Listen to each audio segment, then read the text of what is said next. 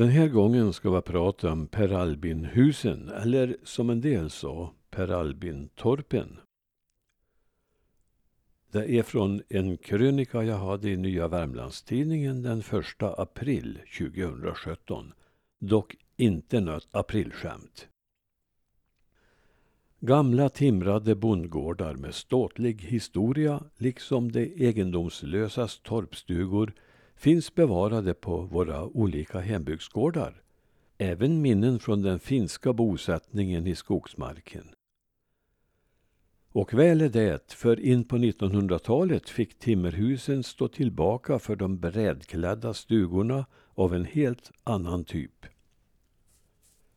De gamla knuttimrade parstugorna ersattes av rödmålade stugor med vita knutar men nu har åren gått och även dessa småstugor börjar bli historia.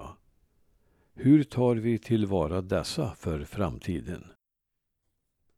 En hustyp som fick stort genomslag på 1930-talet, inte minst i norra Värmland, var den så kallade Per Albin-stugan eller Per Albin-torpet som fick sitt namn efter dåvarande statsministern Per Albin Hansson.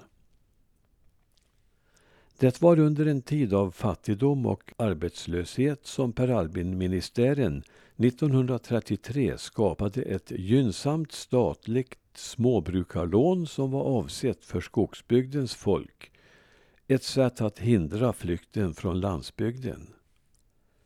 Även den som hade små resurser skulle kunna bygga ett hus och dryga ut inkomsten med ett litet jordbruk. På tio år lär mellan 6 000 och 7 000 hus ha uppförts, varav en femtedel i Jämtland. Avsikten var att det skulle ha blivit än fler. Lånet var till en början maximerat till cirka 6 000 kronor och med hjälp av detta skulle man kunna uppföra ett bostadshus på 45 kvadratmeter med oinredd övervåning. Staten tillhandahöll ritning med trapphus, kök och kammare i nedre våningen, kanske med en liten alkov och möjlighet att inreda övervåningen. Husgrunden var i stort sett kvadratisk. En uthusbyggnad med vedbod, lada, visthus, utedass och murad lagård hörde till. Här skulle finnas plats för ett par kor, gris och kanske några getter. En och annan hade häst. Några byggde sitt hus ovanpå en källare, andra valde torpargrund och grävde en jordkällare i någon slänt. Ett stycke åkermark på upp till ett par hektar avstyckades för varje gård. Många Per Albin-stugor växte upp på 1930-talet. Ibland i små grupper som i Ransby och Långav, södra Persby. En sådan liten by i byn växte upp på Näs på den lägre platån väster om Dalby kyrka. Fyra Per Albin-hus uppfördes ungefär samtidigt där omkring 1935 med gemensam väg från landsvägen ner genom Skolhusdalen. De som fullföljde drömmen om ett eget boende på denna plats var Janne Sjö, Per Sandin, Hilmer Karlsson och Henning Karlsson.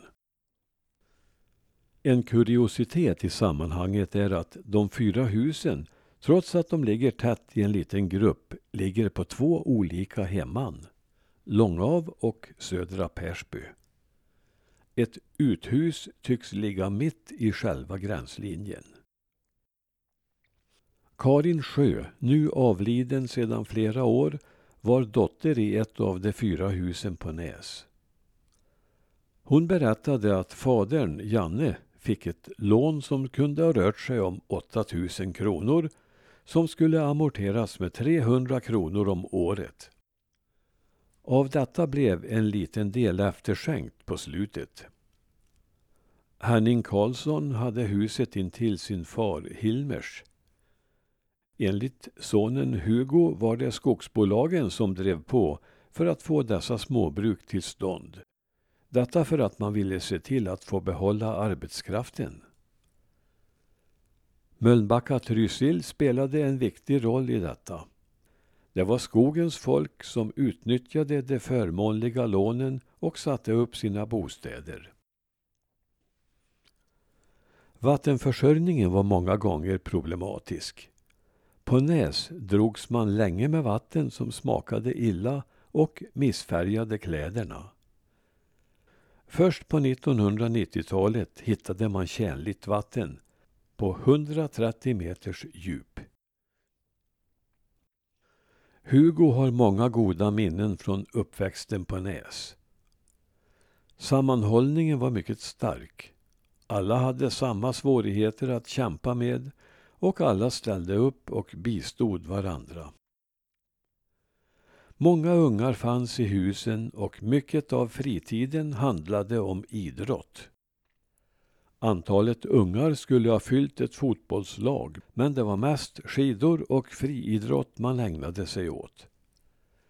För Hugo och hans syskon blev idrotten ett livslångt engagemang.